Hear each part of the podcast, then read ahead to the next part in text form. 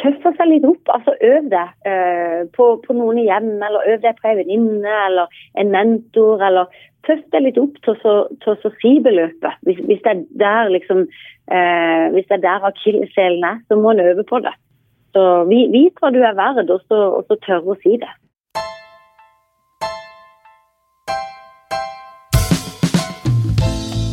Velkommen til det hun sa. Jeg sitter hjemme på mitt eget hjemmestudio for anledningen. Eh, I studio hos Fjellandsvennen så sitter Monica Birkeland og Silje Dagsvik. For ei uke siden så hadde vi tema lønn, og hvorfor det er så utrolig vanskelig å snakke om lønn. Eh, vi hadde en gjest, Ellen Katrine Nyhus, som er professor på Handelshøyskolen UiA. Eh, hun kom og så satte det litt i perspektiv for oss, sånn at vi skjønner litt mer om hvorfor det kan føles så ubehagelig. Eh, men det med lønn har jo en annen side også, for det er jo en mer sånn teknisk bit som handler om hvordan vi forhandler lønn. Eh, og hvordan vi snakker om lønn med arbeidsgiveren vår. Og da tenkte vi vi skulle få med oss eh, noen gjester per telefon. Og akkurat nå så har vi vel Eva Kvelland med oss, tror jeg. Hun er direktør for marked og kommunikasjon i Sparebanken Sør. Hallo. Hallo, Eva. Takk for at du ville være med oss i, i det hun sa. Bare hyggelig. Du har jo bytta jobb flere ganger. Um, og det er ikke så lenge siden du begynte i ny jobb nå. Og så har du i tillegg solid erfaring fra politikken. Og der er jo også det hvordan man snakker om ting, eh, språk, overtalelse osv. Det er også viktige elementer. Derfor tenkte vi du sikkert hadde noe klokt å, å, bidra med her.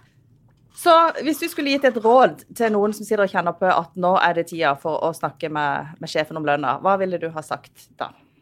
Ja, jeg tror at for veldig mange så oppleves det som litt sånn vanskelig og ubehagelig fordi du må selge deg sjøl og, og, fortelle hvorfor du fortjener høyere lønn. Så, så jeg tror det første hinderet for mange er å prøve å komme seg forbi det. Ta seg litt i nakken og, og, og vise at du, du, fortjener høyere lønn. Uh, og hvis ikke du, du sjøl opplever at du fortjener det, så, så, er det også veldig vanskelig å, å overtale noen andre. For dette handler jo litt om du, du viste politikken, og dette handler jo også litt om å, om å overbevise og overtale noen. Eh, så forbered seg godt til sånne samtaler.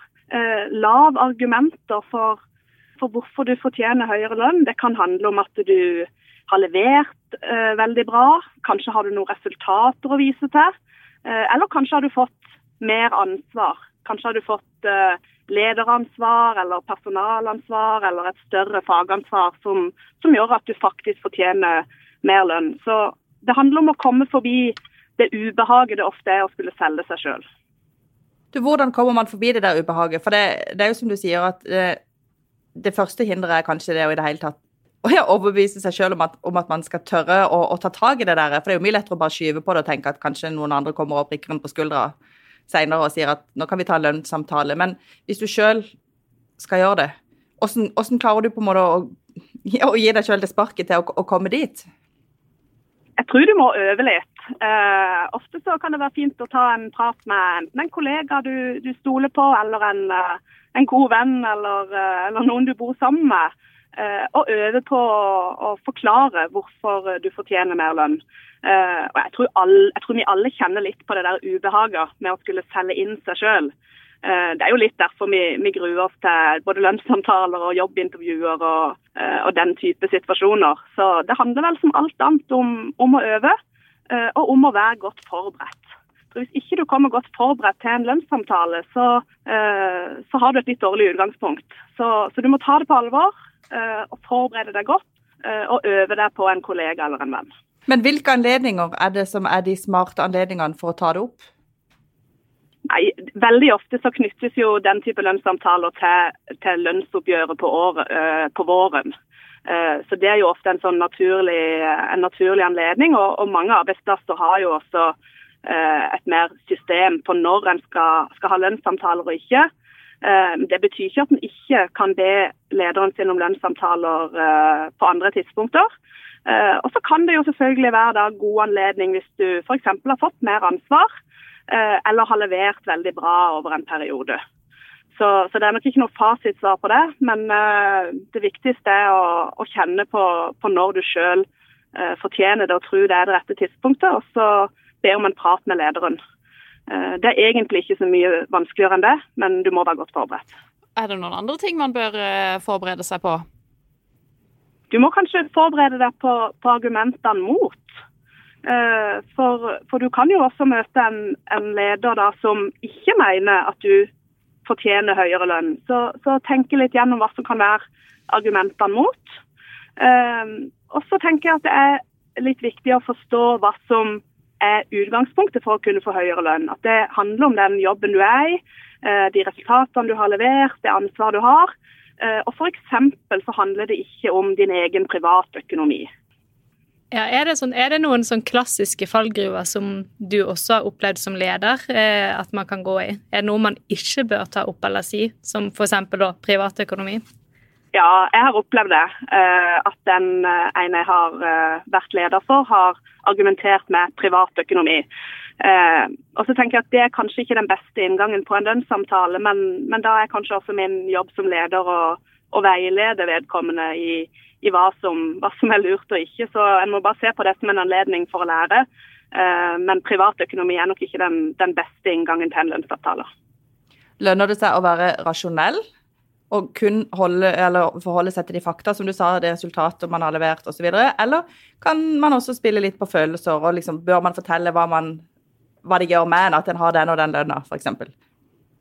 Ja, en, en, jeg tenker jo at de, de rasjonelle argumentene uh, må ligge til grunn. Men, men, i alle fall dersom en opplever at lønna er urettferdig, f.eks. sammenlignet med, med kollegaer i tilsvarende stillinger, Eh, så syns jeg jo absolutt det er riktig å ta opp det, og, og at det også påvirker en uh, emosjonelt, eller, eller, hvordan en har det på jobb. Uh, og så er det klart at For arbeidsgivere så har de også i mange tilfeller et insentiv for å, for å forhandle lønn med en arbeidstaker. Det kan f.eks. handle om å, uh, om å beholde arbeidskraft en, en, ønsker å ha over lang tid, eller gi et insentiv for å, for å fortsette å prestere. Så, så det er en, det en toveissamtale dette her, hvor, hvor også arbeidsgiver uh, kan ha gode grunner til å, til å, gi en arbeidstaker høyere lønn, men initiativet kommer jo veldig ofte fra den ansatte. Ja, For det med lønn, det er jo en, det er mye motivasjon i det? Ja, det er jo det. Uh, og så uh, håper jeg jo at det er veldig mye mer som motiverer enn når en er i en jobb. Jeg tror Hvis det bare er lønna som motiverer, så, så, er det kanskje noen ting som mangler. Men det er klart det er en viktig del av, av totalen. Eh, det er det definitivt. Og så er vi forskjellige. Noen motiveres veldig eh, av lønn eh, når det kommer til å prestere og levere resultater.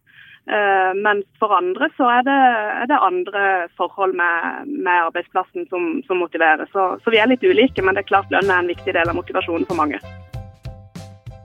I forhold til det der med å dra opp hva andre kollegaer eh, tjener. Vi hadde I forrige episode så snakket vi litt om det med hvor ubehagelig det kan være å snakke kollegaer seg imellom om hva man tjener, da. Men hvis man først har funnet ut av dette, eh, ville du rynket på nesen, eller syntes at det var helt eh, normalt og OK som leder hvis en, eh, en ansatt eh, nevnte andre kollegers lønn som et argument for å høye sin egen?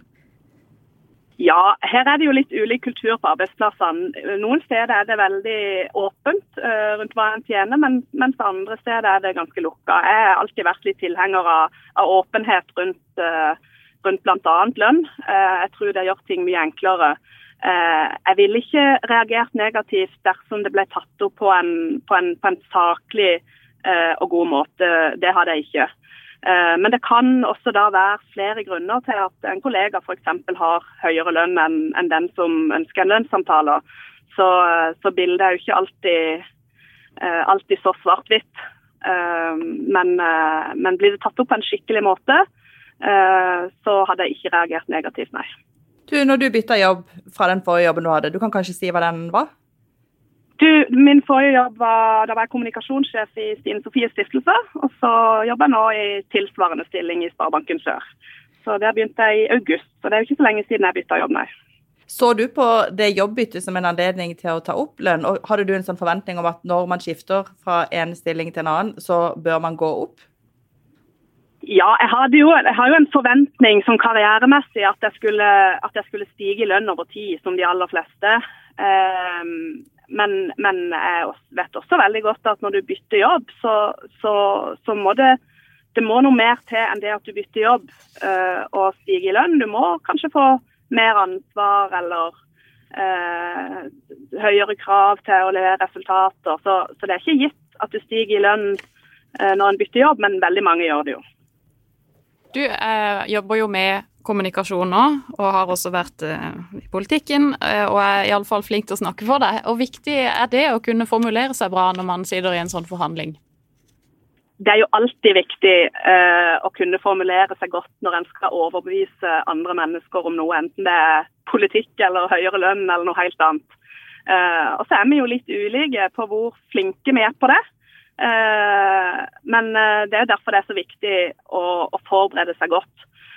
og Hvis ikke du er så veldig god verbalt til å formulere deg og argumentere, så kanskje du skal forberede deg litt med å lage et skriftlig notat få ned noen punkter skriftlig på, på hvorfor du mener det, det, er viktig og riktig at du får høyere lønn. Og så kan du gi det til, til sjefen din mens du har den samtalen. Så, selv om ikke du er så god uh, muntlig, så, så, er det andre måter å gjøre det på. Men, men det er klart det handler om å overbevise. Uh, og da må en forberede seg godt om en er flink eller ikke flink verbalt. Eh, du nevnte jo disse resultatene og nevner de. Det er jo ikke alltid det er like enkelt kanskje å vise til resultater. Det kommer jo litt an på noen, eh, noen roller har du mer eh, tallfestede resultater å gå etter, mens andre steder er det kanskje litt mer kalde, mykere verdier. da. Har du noen mm. tips til hvordan man kan få frem på en konstruktiv og litt sånn slagkraftig måte de litt mer mykere verdiene også av det du leverer i jobben din? Jeg har alltid vært veldig opptatt av at alt ikke kan måles. Jeg jobber jo med kommunikasjon, og, det er ikke alt som kan måles. Um, men jeg tror jo at hvis en, hvis en, kjenner jobben sin godt og kjenner seg sjøl godt, så, så, vet en også når en har levert gode resultater og kan snakke om de, selv om ikke uh, det er tall du kan sette to streker under. Så, så det handler vel bare om å finne um, de målene en setter seg eller har til jobben sin og til de til de oppdragene en har i jobben sin, eh, og kunne snakke om dem på en måte som, som viser at de er, de er positive og, og, ting utvikler seg og, og, ting blir bedre, selv om ikke det er tall med to streker. Veldig godt eh, tips, Eva. Og jeg lurer litt på eh, i forkant der altså, Jeg merker jo selv hvor fort det er å glemme hva du har gjort det siste året eller halvåret. Eh, vil, eh, og på en måte klare å skryte opp seg selv litt og se at wow, jeg fikk jo i grunnen til ganske mye. Har du noe, har du noe erfaring på Har du gjort deg noen sånne lure grep for å, for å samle opp eller gjøre noe lurt for å kunne komme med det et år etterpå? Ja, jeg, jeg føler Det er kanskje galt, galt, å kalle det en logg, for det er ikke noe jeg gjør daglig. Uh, men jeg, jeg, fører, jeg har et dokument, eller en powerpoint-presentasjon faktisk, for det er jeg veldig glad i. Uh, hvor, jeg, hvor, jeg, skriver litt sånn logg fra ulike store prosjekter uh, jeg jobber med. for å huske i ettertid hva vi gjorde og, og hvordan det gikk. Eh, både for å lære det i det faglige, men også for å kunne dokumentere resultater. Så, så det, det, handler kanskje om å hjelpe hukommelsen litt med å, med å skrive litt ned av og til, til hva en har gjort. Uh, og så har en ofte mange gode kollegaer som uh, av og til er bedre enn deg sjøl til å se hva du har levert og hva du har gjort. Så, så, ta en prat med gode kollegaer om hvordan de ser på, på ditt arbeid og dine prestasjoner den siste tida. Eh, tror jeg kan være eh, godt for selvtilliten og motivasjonen av og til, og kanskje et, eh, et verktøy til å, til å, bli litt bevisst på hva slags resultater en har levert, f.eks. For i forkant av en lønnssamtale. Tusen takk for at du ble med på telefonen. Det var virkelig nyttig. Takk skal dere ha.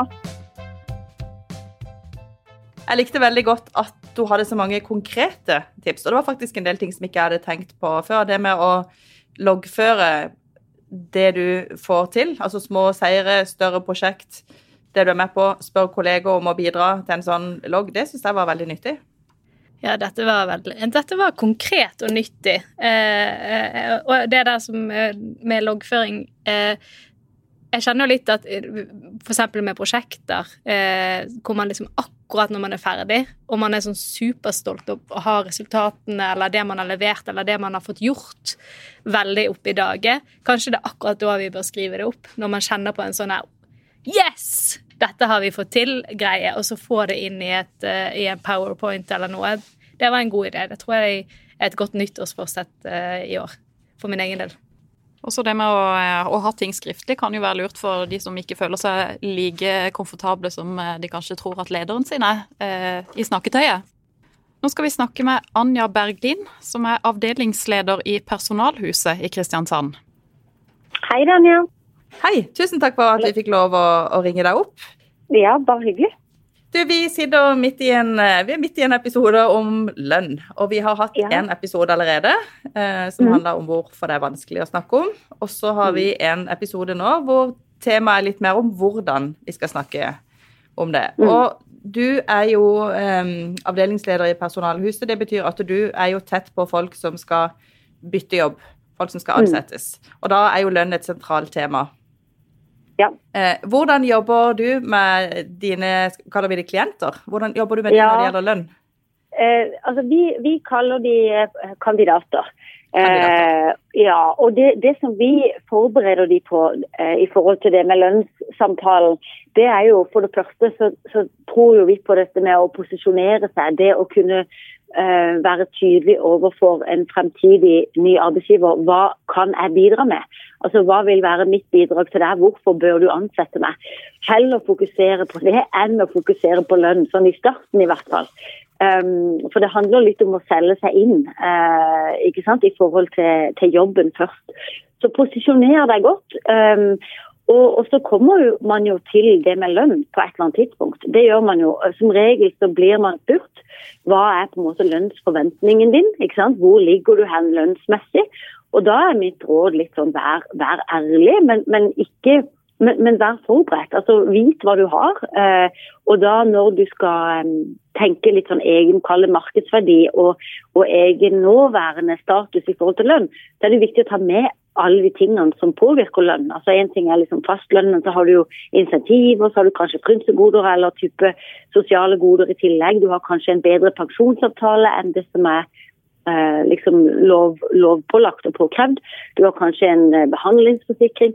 Så liksom når du skal tenke ok, hva er mitt eh, lønnsnivå i dag, så må du på en måte regne, med, regne inn alle disse tingene, sånn at du har et, eh, et riktig bilde. Eh, for, for, når spørsmålet kommer, så tror jeg det er viktig å være tydelig og, og svare eh, litt sånn kontant, sånn at det, du fremstår som om dette har du både innsikt i og peiling på, og at det er viktig for deg.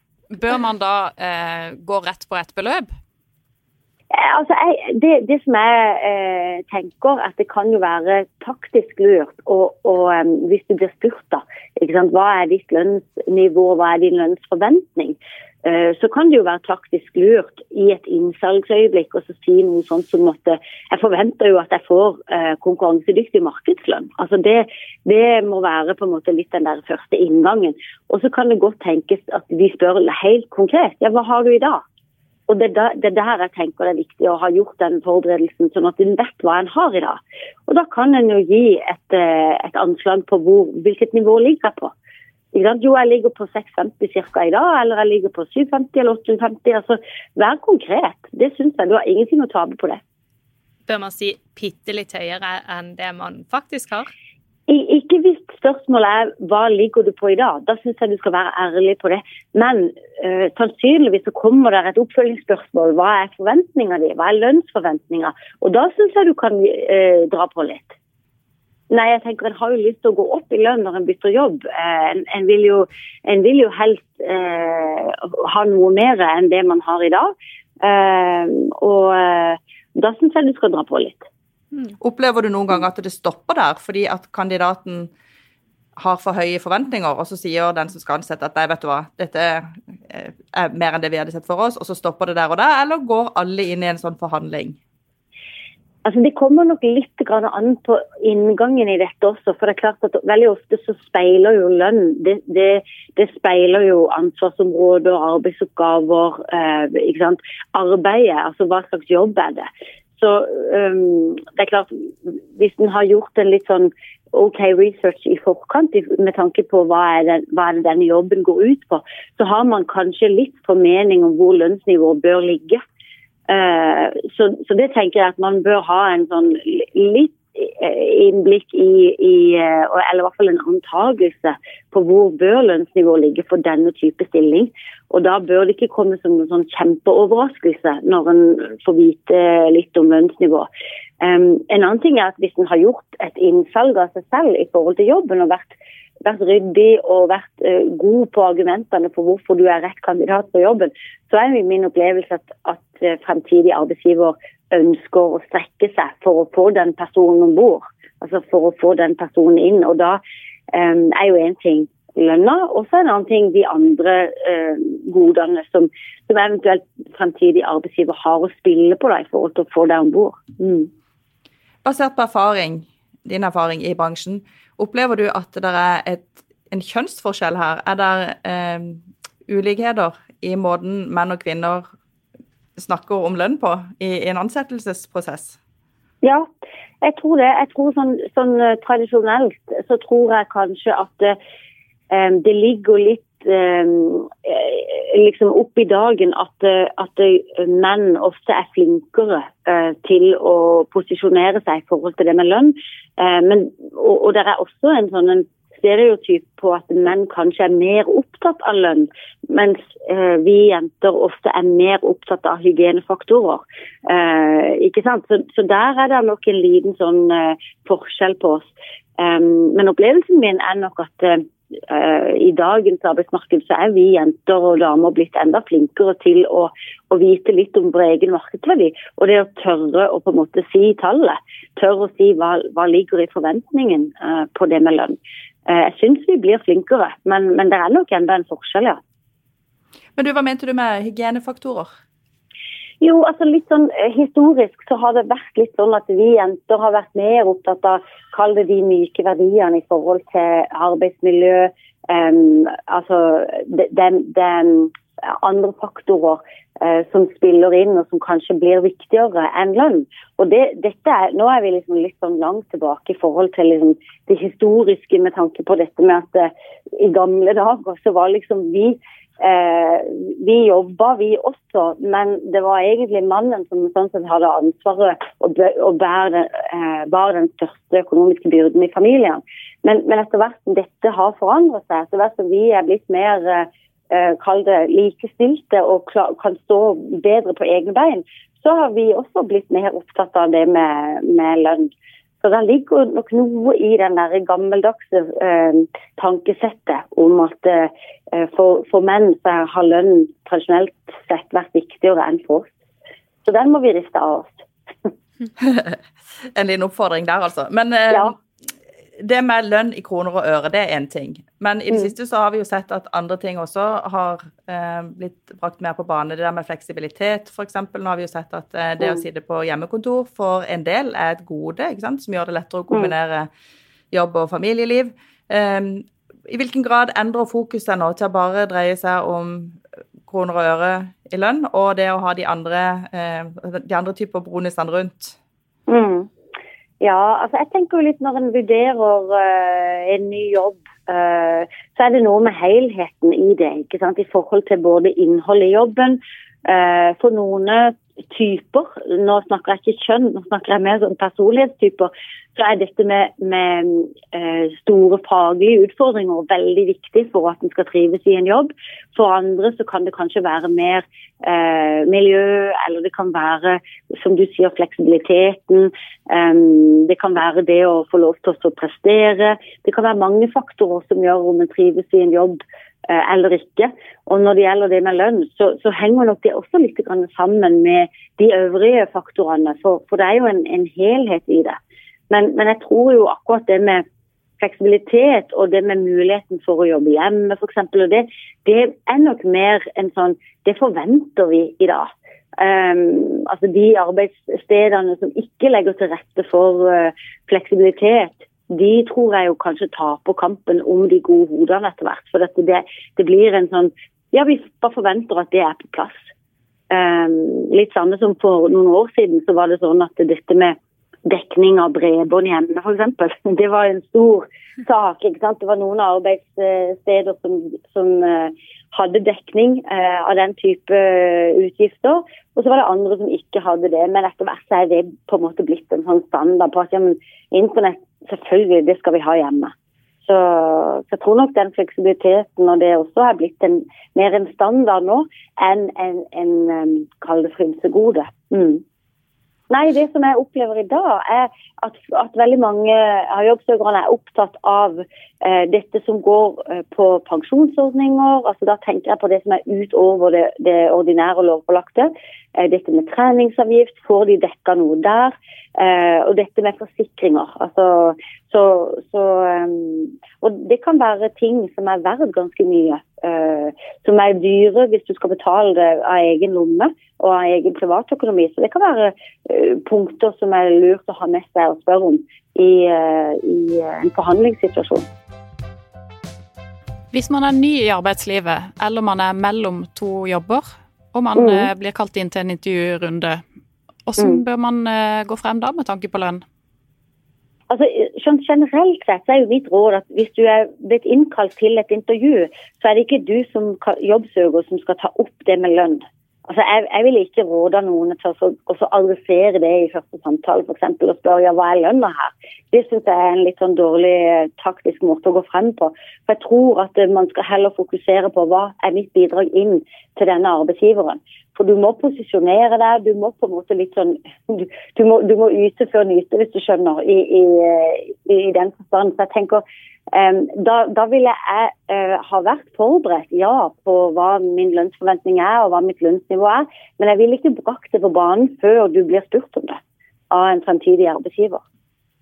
Har du noen gang opplevd eh, noen som, eh, når de da blir spurt om det, og kommer med sitt ønske, at de rett og slett skyter seg sjøl ut av prosessen med å gå ja, for høyt ut? Altså, ja, jeg har opplevd at vi har sittet eh, Vi er jo ofte med ut eh, til eh, fremtidige arbeidsgivere i intervju. Vi har med oss jobbsøkerne ut fordi vi gjerne er engasjert av fremtidige arbeidsgivere for å holde i en rekrutteringsprosess. Og da er jo vår klare anbefaling det at det å posisjonere seg, som jeg sier. Og jeg har vært ute for opplevelser hvor jobbsøkeren er mer opptatt av hva kan dere som framtidig arbeidsgiver tilby meg, enn de er opptatt av å selge seg inn og posisjonere seg og fortelle fremtidige arbeidsgiver hva de kan bidra med inn i den jobben. Og det er klart, Da eh, spiller de seg egentlig litt ut av prosessen. Fordi at eh, fremtidig arbeidsgiver tenker litt sånn OK, her er kanskje en person som bare er ute etter what's in it for me, eh, og ikke har egentlig reflektert så mye om hva de kan bidra med inn i, i jobben. Så det er en dårlig taktikk, og det har jeg opplevd uh, tidligere. Og da, da uh, så, så, vi prøver jo å preppe um, jobbsøkerne litt i forhold til dette, og rådgi de på forhånd, da, så ikke vi opplever det. Du, Anja, opplever du at det er en forskjell mellom generasjoner her? Er det sånn at det er noen som er mer på å tenke på hva kan arbeidsgiver gjøre for meg, mens andre igjen tenker mer hva kan jeg gjøre for arbeidsgiver? Er det, er det en endring, mm. eller ja, en forskjell? Eh, ja, altså jeg tror eh, Ja, det var egentlig et litt sånn godt spørsmål. For det er jo det der med arbeidsmarkedet, det, det forandrer seg jo. jo. Jeg har jo vært med i dette gamet i, i, nesten 20 år, og arbeidsmarkedet forandrer seg jo. Eh, jeg, jeg, vil jo kanskje si at det er mer konjunkturer og svingninger i arbeidsmarkedet generelt sett på, på altså litt sånn uavhengig av, av alder eller sånn sett kjønn til de som søker jobb. Jeg, tenker nok det, at det har vært mer en dreining på, på det med at um, uh, man skal posisjonere seg for jobben fremfor uh, hva er, er, det jobben kan tilby uh, deg.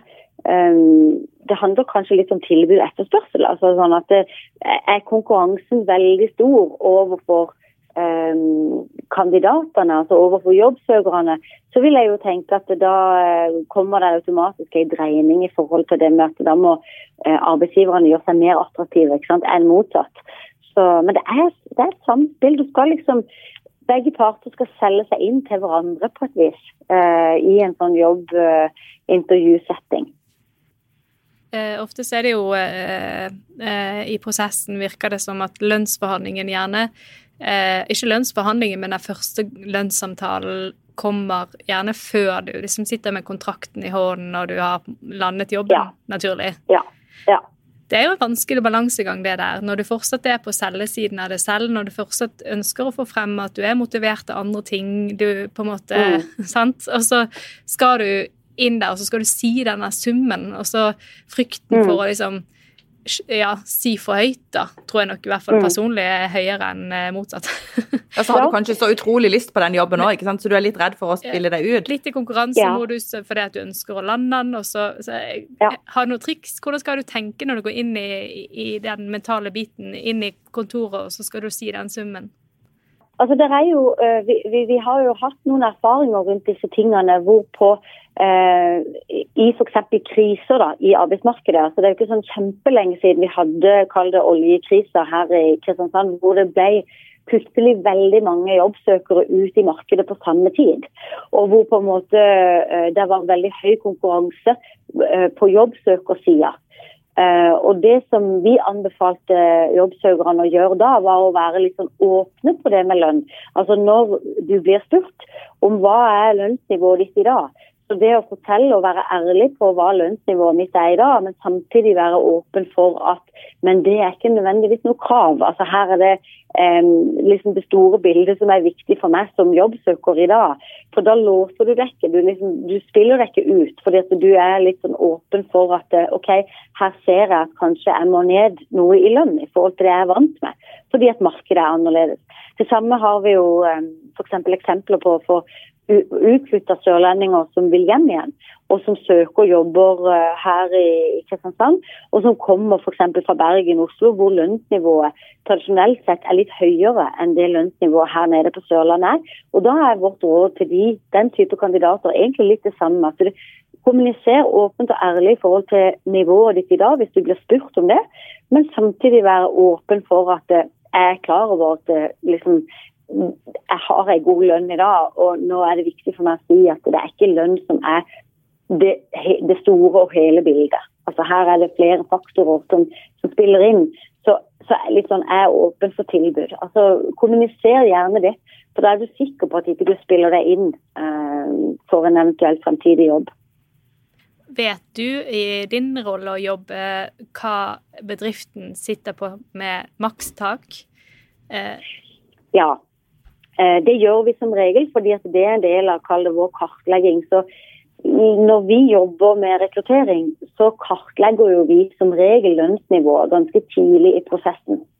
Eh, Og det er rett og slett bare fordi at eh, hvis vi jobber med en stilling hvor vi vet at eh, bedriften betaler 800 000 f.eks. i lønn, og vi vet samtidig at jobbsøkerne er vant til å tjene halvannen million, så er det på en måte ikke sånn altså Da er avviket for stort. Så da må vi være ærlige på det eh, helt i starten av prosessen. Du, jeg har et lite spørsmål til før vi skal begynne å runde av. Dette var jo veldig bra. Det var jo et lynkurs i, i lønn. Ja. men, men når man ser en, en stillingsutlysning, og så står det lønnsnivået sånn og sånn, kan man alltid gå ut ifra at arbeidsgiver har litt mer å gå på? Det som jeg opplever eh, bedriftene, altså våre kunder, eh, de har jo som regel en del hensyn å ta når det gjelder det med lønn. For de har gjerne et nivå hvor de tenker at denne stillingen her ligger på ca. på det og det lønnsnivået. Og så har de gjerne andre i organisasjonen og andre i bedriften som på en måte de må ta hensyn til med tanke på det å sette en lønn.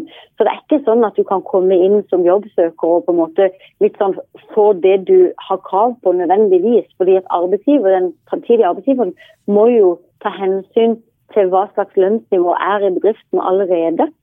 Eh, så, så det er noen sånne mekanismer der som gjør at de har ikke kall det frie tøyler til å kunne gi hva som helst. Men, men da er det jo disse andre faktorene som en kan se på. da. Eh, jeg har jo vært ute for eh, at eh, samtidig arbeidsgiver har ønska den jobbsøkeren så sterkt. Så selv om, arbeidsgiveren ikke kan tilfredsstille vedkommende på en, en, lønn, altså en fastlønn, så har man allikevel kunnet komme til enighet fordi at man har kunnet supplere med andre goder. Det kan være firmabil, det kan være insentiver i forhold til måloppnåelse. Eh, andre goder som eh, arbeidsgiveren kan forsvare opp mot de andre i bedriften, sånn at det skal bli rettferdig. For det er klart, De må tenke litt sånn òg. Hvis du skal oppsummere, Anja, og gi dine beste råd til de som skal mm. i lønnsforhandling eh, i morgen, hva ville ja. du sagt da? Jeg ville sagt forbered deg, eh, og så ville jeg tenkt litt sånn at OK, vær litt klar over egen eh, både eh, hva slags jobb gjør jeg, hva slags prestasjon gjør jeg egentlig. Eh, hva er min kall det markedsverdi?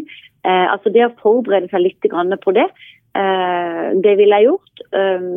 at en er litt realistisk i forhold til det, og også at en at en tøffer seg litt opp. altså Øv deg eh, på, på, noen hjem, eller øv deg på ei venninne eller en mentor. eller Tøff deg litt opp til å si beløpet. Hvis, hvis, det er der liksom, eh, hvis det er der akilleshælen er, så må en øve på det.